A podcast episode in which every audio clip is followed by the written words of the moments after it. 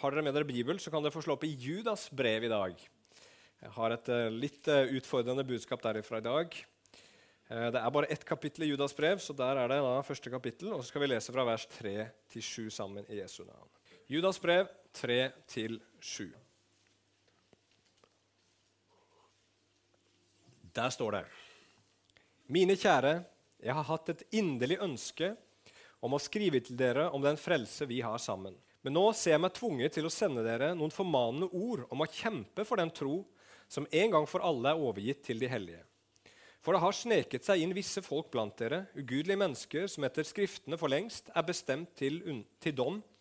De forvrenger vår Guds nåde, så de kan leve et utsvevende liv, og fornekter vår eneste hersker og Herre, Jesus Kristus. Da er det noe jeg vil minne dere om, enda dere allerede vet dette.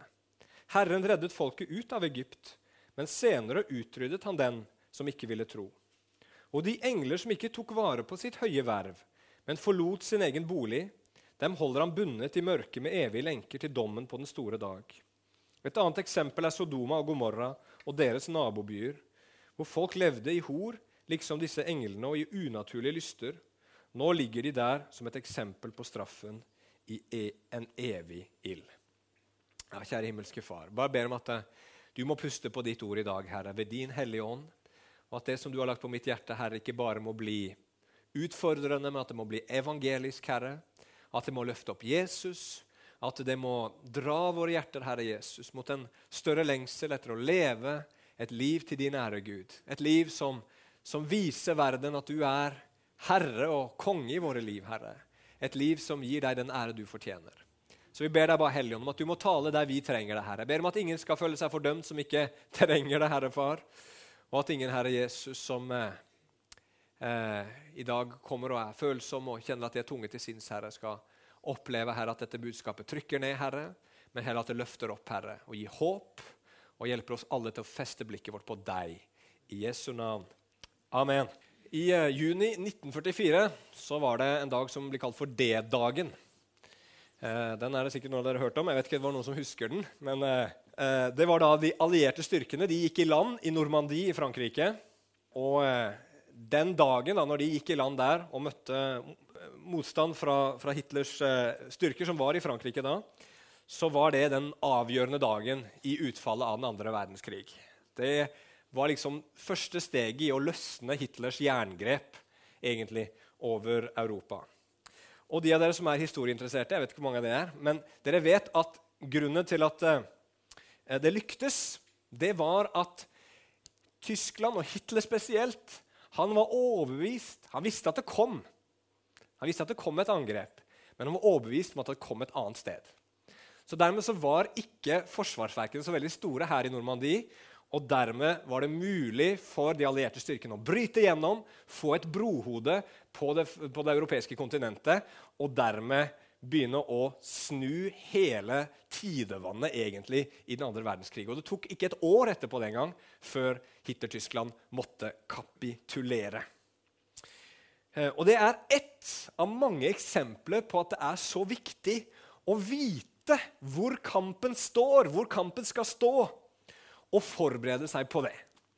Det gjelder i krig, og det gjelder også i det kristne livet. Og det, det, jeg har tenkt å prate litt om i dag, det er et sånt område i det kristne livet hvor vi i dag opplever at kampen står, og hvor vi må forberede oss, hvor vi må kjempe i våre egne liv, i vår egen menighet og i kristenheten i Norge i dag. Og For å snakke om det så skal vi høre litt fra Judas, eller vi har hørt litt fra Judas som uh, skriver det brevet her. Og Det er ikke den Judas i Bibelen som kalles for Judas Iskariot, som forrådte Jesus, men det er en mye mer ukjent Judas, som var en av Jesus sine fysiske halvbrødre. Han var bror til Jakob. Og Han skriver her et brev, og det er nesten alt vi vet om han. har blitt nevnt et par ganger i evangeliet nå, men nesten alt vi vet om Judas, det har vi fra det brevet her. Og det Judas han sier, det er at han er begeistra for Jesus, han er begeistra for frelsen, han er begeistra for nåden, han er begeistra for alt det som han ser Jesus har gjort, oppfylt hele Det gamle testamentet. og liksom Hele dette budskapet er han så begeistra for at han har lyst til å skrive et brev til sine kristne venner. Det er det han sier her innledningsvis. At han var opptatt å, opptatt med å skrive til dere om den frelse vi har sammen. Så han tenkte å, jeg har så bare lyst til å fortelle dem hvor bra dette er, og liksom vise dem dybden, høyden, lengden og bredden. Men så skriver han aldri det brevet. Hvorfor skriver ikke Judas det brevet? Nei, for det er noe annet som plutselig fanger oppmerksomheten hans. Han skjønner at det er noe annet som truer denne frelsen. Noe annet som truer det verket som Gud hadde gjort.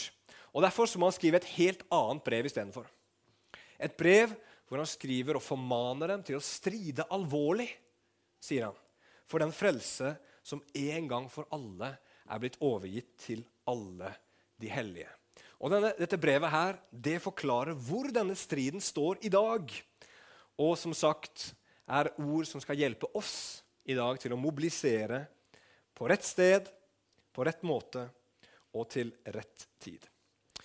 Eh, nå er det en stund siden jeg har talt her på Betel, og jeg har, har en del sånne tanker som jeg bare kjenner har bygd seg opp i meg over en liten tid nå, som jeg har lyst til å dele de neste par søndagene. Så da tar vi en liten pause i Mosebøkene. Men vi skal komme tilbake til det. Og vi skal snakke litt om eh, en del sånne glemte sannheter som, som, må fram igjen. Som er viktige, som står i Bibelen, og som er herlige, som er gode, men som har blitt litt upopulære og falt litt i unåde. Og Det er det vi skal prate om i dag. I dag skal vi snakke om det med Jesus som herre. Overskriften min i dag hvis du vil ha den, det er 'Vår eneste hersker og herre', sånn som Judas skriver her i, i slutten av eh, vers eh, 4, er det vel? Og Vi skal snakke om stridens kjerne. Vi skal snakke om stridens mark, og vi skal snakke om denne stridens seierherre. Så da begynner vi med det første. Stridens kjerne. Hva er det som er stridens kjerne her? Hva var det som gjorde at Judas skrev det brevet her og sa at de måtte kjempe? Og hvor er det vi må kjempe i dag? Jo, sier Judas, ugudelige mennesker sier han, har sneket seg inn blant de kristne, slik, slike som forvender Guds nåde til skamløshet, står det i uh, den uh, Bibelen Guds år, ordoversettelsen. Og som jeg nevnte i stad, og, de fornekter, som det står i denne oversettelsen, vår eneste hersker og Herre, Jesus Kristus. Hva er det?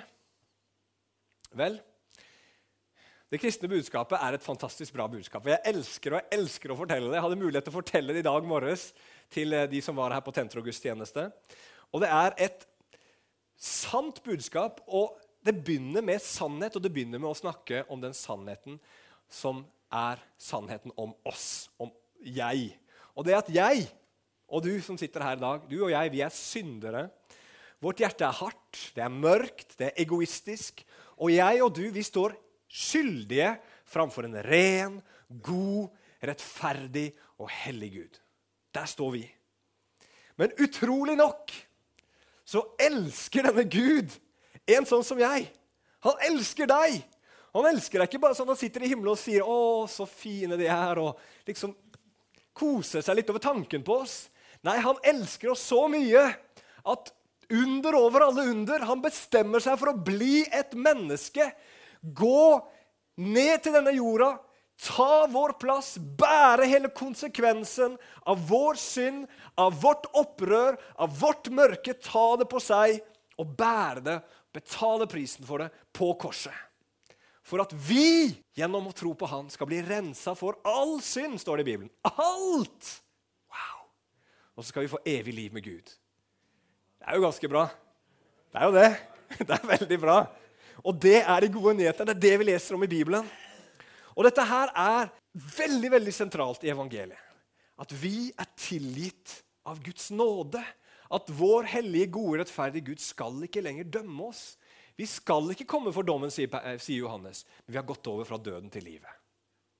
Men så er det disse menneskene her som Judas snakker om. De sier noe sånt som det her. de. Ja, ja, ja, den nåden er helt fantastisk. Gud har tilgitt oss alt. Og nå kan du leve akkurat sånn som du vil. Uten konsekvenser. Du kan ta de valgene du vil ta, og så kan du få evig liv. Du kan bruke pengene dine som du vil. Du kan leve sexlivet ditt akkurat sånn som du vil. Du kan gjøre det du syns er best for deg. Men vet du hva Judas sier? Han sier disse menneskene her, det de gjør, er at de forkynner ikke Guds nåde. De gjør noe helt annet. De fornekter Jesus som herre. Og det er her, kjære venner, et punkt hvor striden står blant oss kristne akkurat nå. Det står i mitt liv. Jeg kjemper med det i mitt eget liv. Hvem er det som er herre i mitt liv? Hvem er det som bestemmer over mitt liv som kristen? Hvem er det som bestemmer i våre menigheter? Hvem er det som har det siste ordet? Hvem er det som definerer? Hvem er det som bestemmer hva som er rett og galt? Hvem er det vi skal følge? Og Det handler ikke bare om teori og lære, men det handler om hva som skjer i det daglige i våre liv. For disse menneskene her, var liksom, Problemet var ikke først og fremst læren deres. Men, eller jo, det var det òg. Men han, det Judas angriper, er frukten av læren deres. Måten de kristne levde på, det var ikke en livsstil som var Guds nåde verdig. Så hvem er herre i mine valg? Hvem er det som bestemmer det jeg gjør i det daglige? Hvem er herre i mine ord, i det mine øyne ser på, i det jeg bruker kroppen min til, i det tankene mine vender seg mot? Hvem er herre? Og For å gjøre dette enda mer konkret, for å fortelle oss hva dette handler om, så gir Judas tre eksempler fra Bibelen. Og Da har vi kommet til punkt nummer to. Nå skal vi snakke om stridens mark. Nå har vi snakket om stridens kjerne, Jesus som herre, og nå skal vi snakke om stridens mark. Jo, Han nevner tre punkter, tre eksempler fra Bibelen. Det første er henta fra andre Mosebok om israelsfolket som kom ut av Egypt. Og Jeg håper at det er noe vi i den menigheten her nå begynner å kjenne litt godt. Eksempelet med eh, Guds folk som ble fridd ut fra Egypt. Her sier Judas Gud frelste sitt folk ut fra Egypt, men han slo de fleste av dem ned i ørkenen. sier han. Hvor mange var de fleste av de? Jo, det var 1,999 998. For det var bare to fra den generasjonen som ble værende igjen. Det var ca. to millioner som reiste ut. Og så var det to, Josva og Caleb, som fikk lov til å gå inn i det lovede landet. Eller så var det barna generasjonen etterpå sant, som fikk lov til å være med. Det husker dere. Men hvorfor? Hvorfor kom ikke de inn, de som Gud frelste ut av Egypt? Hvorfor kom de ikke inn i det lovede landet? Jo, sier Judas, fordi de trodde ikke. De trodde ikke. Og hva har det da med Jesus sitt herredømme å gjøre? Jo, Jakob, bror til Judas, han sier i sitt brev at tro er noe mer enn å bare tro at Gud fins. For det gjør de onde ånder også. De tror at Gud fins, og de skjelver, sier Jakob. Det er noe mer også enn å tro at Jesus døde for menneskenes synder på korset. For det tror også de onde åndene. Men det de onde åndene ikke gjør, det som mangler i deres tro, det er at de vil ikke bøye seg for Gud. Og det var også israelittenes problem. De syntes det var fantastisk at Gud tok dem ut av Egypt og ut av slaveriet. Ut av alt det vonde og fæle som de hadde vært midt oppi. Men da de begynte å forstå at denne, dette nye livet som Gud har gitt meg, det betyr at vi må gå gjennom en knusktørr ørken. At vi må vente tålmodig på Gud uten å vite når vi skal gå videre, og hvor vi skal gå videre. At vi må kjempe harde kriger og omganger mot folk som er mye mektigere og større enn oss sjøl. Så valgte de heller å stole på seg sjøl, og så forlot de Gud og gikk på sin egen vei. Og det var frukten av deres vantro. Og la oss spørre oss, og jeg sier dette like mye til meg sjøl, for jeg er en bedagelig mann. Jeg liker å ha det greit og enkelt og behagelig. Vil du at det skal være lett, behagelig, kostnadsfritt å følge Jesus? Syns du at han skylder deg det? Eller er det sånn når livet ikke blir sånn som du og jeg har tenkt, at vi tar en snarvei inngår et kompromiss, velger vår egen vei istedenfor Guds vei. Spørsmålet er hvem skal bestemme over din skjebne? Hvem skal bestemme over ditt liv? Hvem skal være kaptein i våre liv? Vil du være sjef og kaptein sjøl? Eller vil du at han skal styre livet ditt? Han som sier i sitt ord at han ikke alltid gir oss det vi vil ha, men alltid gir oss det vi trenger. Er det han du vil ha, som skal lede ditt liv og din vei? Israelsfolket de trengte å gå gjennom ørkenen.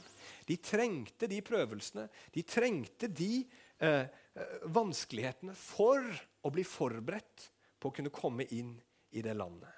Men så forkasta de Guds herredømme, Guds, Gud som sjef over sine liv, og så mista de Guds plan og Guds velsignelse og Guds frelse. Tror vi på Gud, at han er god, at han vil lede oss der vi skal gå? At når vanskeligheter og problemer kommer, så tillater Gud det. Og kan føre oss gjennom, gi oss alt vi trenger, og lede oss dit han vil. Tror vi på det? Stoler vi på han? Vi kan det! Vi kan det! Vi kan det. Og faren med at hvis ikke vi stoler på han, så stikker vi av. og så går vi på vår egen vei istedenfor. Neste eksempelet hans er noen engler som Judas drar fram her. Engler i Det gamle testamentet.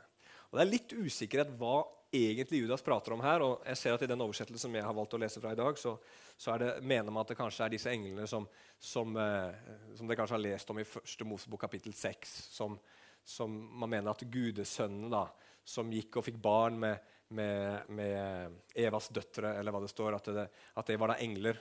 Eh, jeg, jeg, er veldig usikker på den, den teorien der, og, og, vil heller bare si, gjøre det enkelt og si at i Bibelen snakker om at det fins engler som er skapt til å tjene Gud. Og så sier Bibelen også at det finnes noen onde ånder, eller noen onde engler, som fins samtidig. Og så lurer man på ja, hvor kommer disse onde åndene, onde englene fra.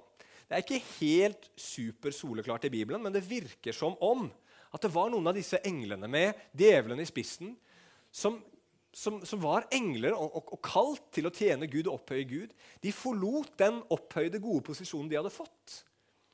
Fordi den var ikke god nok, opphøyd nok, sentral nok. For de sjøl ville ha den plassen som Gud hadde. Og så gjorde de opprør mot Gud, og så ble de djevelen og hans demoner. De ville ta Guds plass, og det var synden deres.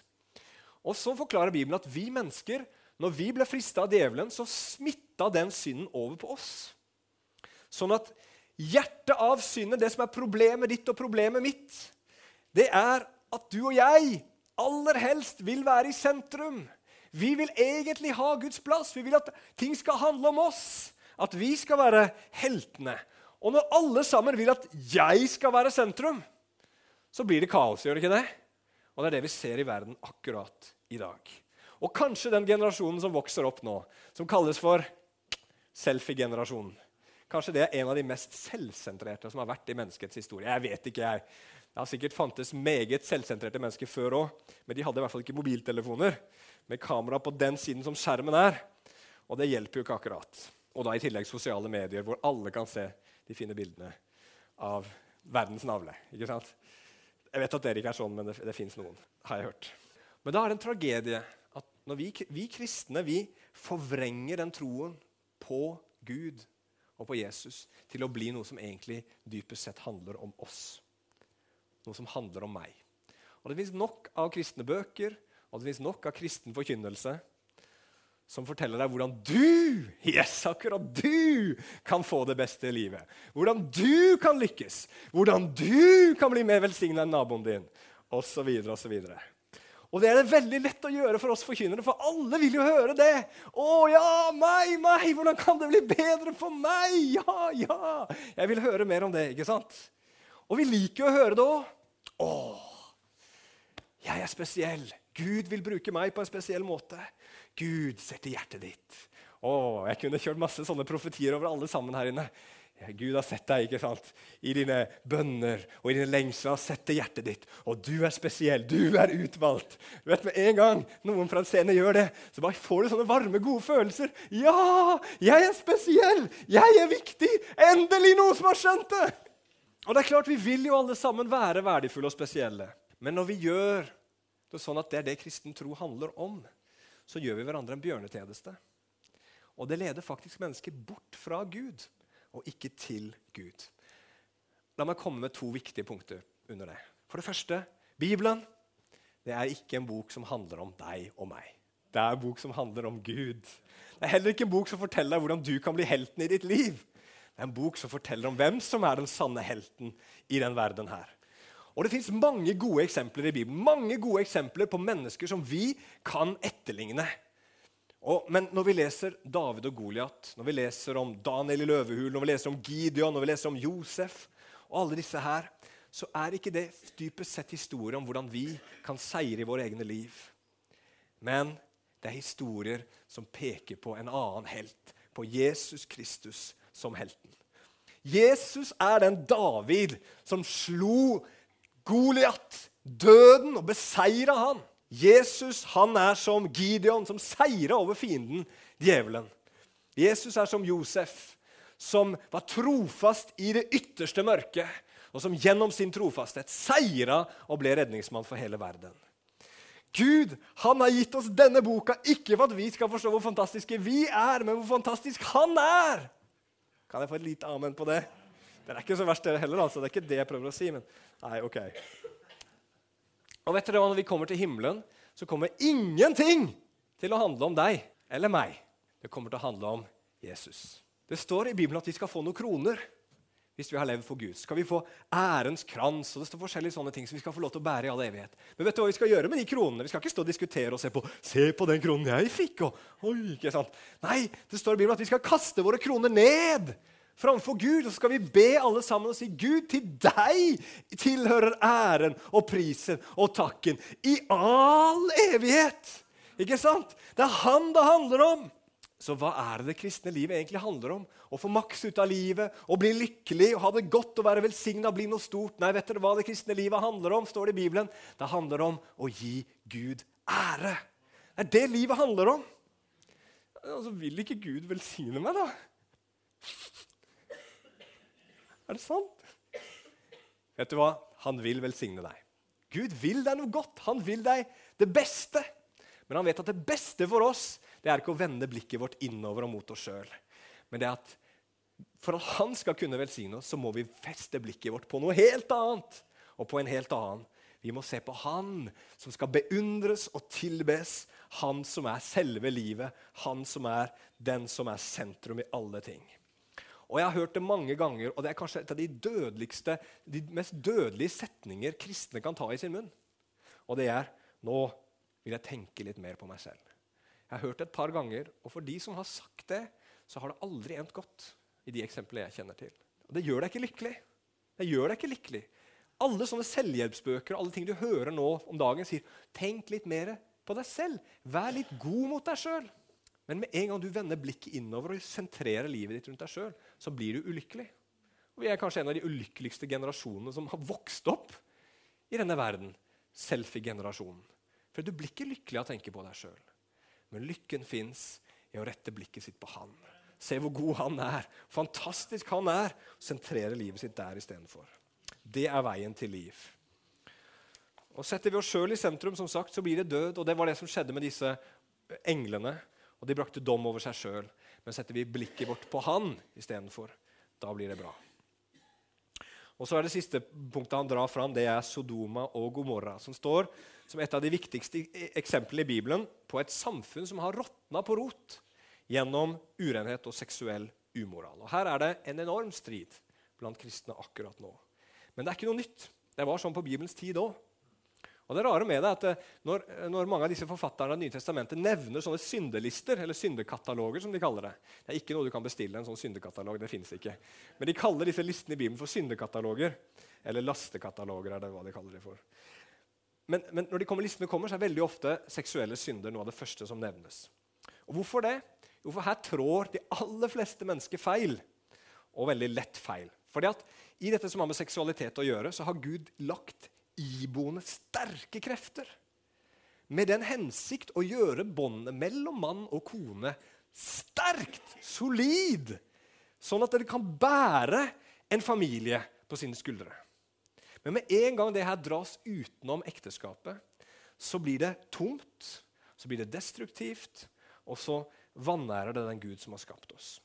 Og Her er kanskje kjernen tror jeg, mye av vårt opprør imot Gud. Vi sier på en måte 'Det er min kropp, Gud. Jeg vil gjøre med den kroppen her som jeg vil.' Og så tenker vi igjen at det skal gjøre oss lykkelige. Men disse kroppene her, de tilhører ikke oss. Vi har ikke skapt de sjøl. Vi har ikke gitt de til oss selv. Og enda mindre tilhører de oss selv når vi er kristne og vi vet at Jesus har kjøpt oss. Han har kjøpt oss med hud og hår, ånd, sjel og legeme. Vi tilhører ikke lenger oss selv, står det i Bibelen. Vi tilhører Han som elska oss og ga seg selv for oss. Vi vil så gjerne bli lykkelige, men vet dere hva Bibelen sier? At den som lever etter sine lyster, er levende død. Du blir ikke lykkelig av å leve etter lystene dine. Og Derfor er det sånn at Når det er hele veien sånn diskusjoner og sånt rundt dette som har med seksualmoral å gjøre, sånn som det er i vår tid, så kan man tenke at, at kristne som sier nei til f.eks. homofilt samliv eller nei til samboerskap, eller sånne type ting, de vil ikke at disse menneskene skal bli lykkelige. Men det motsatte er sant. Jeg vet at hvis man ikke følger Guds retningslinjer for livet, hvis man lever utenfor dem, så blir man ikke lykkelig. Og ja, Man kan godt kjenne en lykkefølelse en, en, en stund. Absolutt. Men i det lange løp så bringer det ikke noe lykke å leve etter sine lyster. Det bringer lykke, forteller Bibelen, og liv og salighet å leve istedenfor et hellig liv. Og Det er dommen over Sodoma og Gomorra. At de som levde etter sine lyster og Det handla ikke bare om deres seksualitet, det handla også om deres penger. Det står at de var gniende mot de fattige. Og, og, jeg hørte en som sa det veldig bra, jeg tror jeg har nevnt det her før også, at de første kristne var kjennetegna av to ting. De var både veldig sjenerøse og veldig gniende. De var veldig sjenerøse med pengene sine, og så var de veldig gniende med kroppene sine. Mens i Romerriket, disse her hedningene, de var helt omvendt. De var veldig sjenerøse med kroppene sine, men veldig gniende med pengene sine. Men det er et kristent liv. Være gnien med kroppen sin, holde den hellig og bruke den bare til det Gud har tenkt den skulle brukes til. Og så kan vi bruke de pengene vi har gitt, til å hjelpe, velsigne og være til velsignelse for mennesker. Det gikk ikke bra med Sodoma og Gomorra fordi de levde etter sine lyster. Men den som lever et hellig liv, den finner liv. Så hva skal vi gjøre i denne striden? Jo, Siste punktet mitt er at vi må venne oss til stridens seierherre.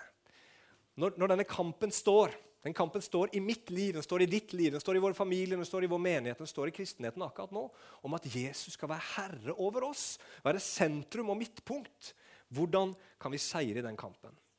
Vel, Paulus han sier at for å bli en kristen så må du bekjenne med din munn at Jesus er Herre.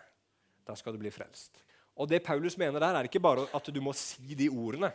At det er magiske ord. At du bare Hvis du sier 'Jesus er Herre', bling, så kom navnet ditt liksom inn i livets bok. Det er ikke det han mener.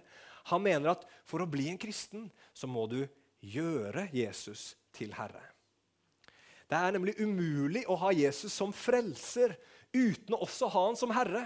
Du kan ikke dele Jesus opp i to biter og si nei, Jesus, den frelsegreia den vil jeg gjerne ha av deg, men den herregreia du skal bestemme, og sånn, den er jeg ikke så veldig interessert i. Nei, Det fins bare én Jesus, og du tar han med hud og hår. Du tar alt, eller du tar ingenting. Men tar du alt, så tar du en Jesus som vil være herre og sjef i livet ditt. Han er ikke en personlig assistent som fins for å gjøre livet ditt litt bedre. Som sier 'Hva kan jeg gjøre for deg i dag?' liksom? Hva trenger du? Trenger du litt mer glede, litt mer lykke? litt mer sånn? Jesus kommer inn så sier han, 'Jeg er din herre. Jeg har skapt alle ting. Jeg, meg tilhører alt. Jeg er overalt. Og jeg vil også regjere i ditt liv.' Jeg, han er den eneste hersker og herre. Og da er det jo klart at vi må bøye oss for han. Han er den høyeste.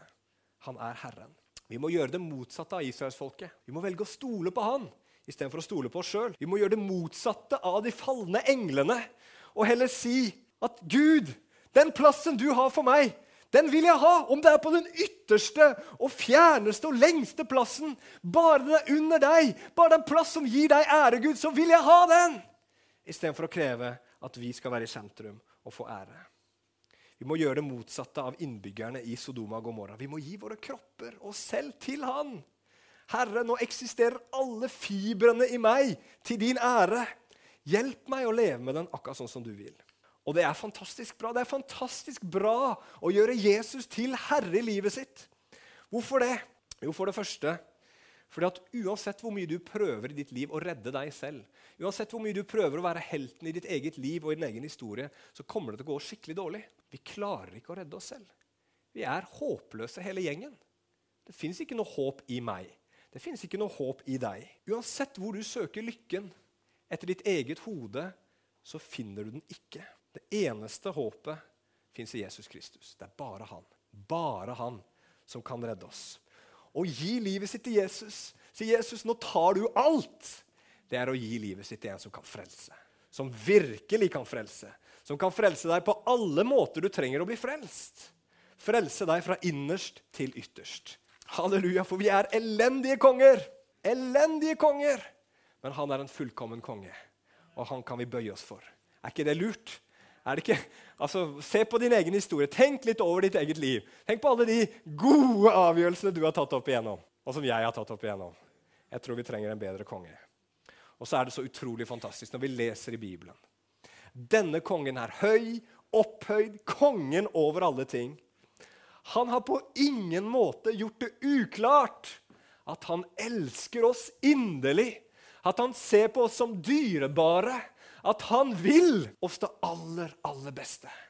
Og hvordan han har vist det? Jo, han har vist det som jeg nevnte til å begynne med også. At han kom, at han ble menneske. At han bar hele elendigheten på seg. Alt det jeg hadde gjort, alt det jeg hadde rota til, det tok han på seg. På et kors. I fordømmelse, i smerte, i fornedring, i skam. Og så står det så hjerteskjærende at han roper ut når det er som på mørkest, og Guds dom hviler over ham. Så roper han ut i sin nød. Min Gud, min Gud, hvorfor har du forlatt meg?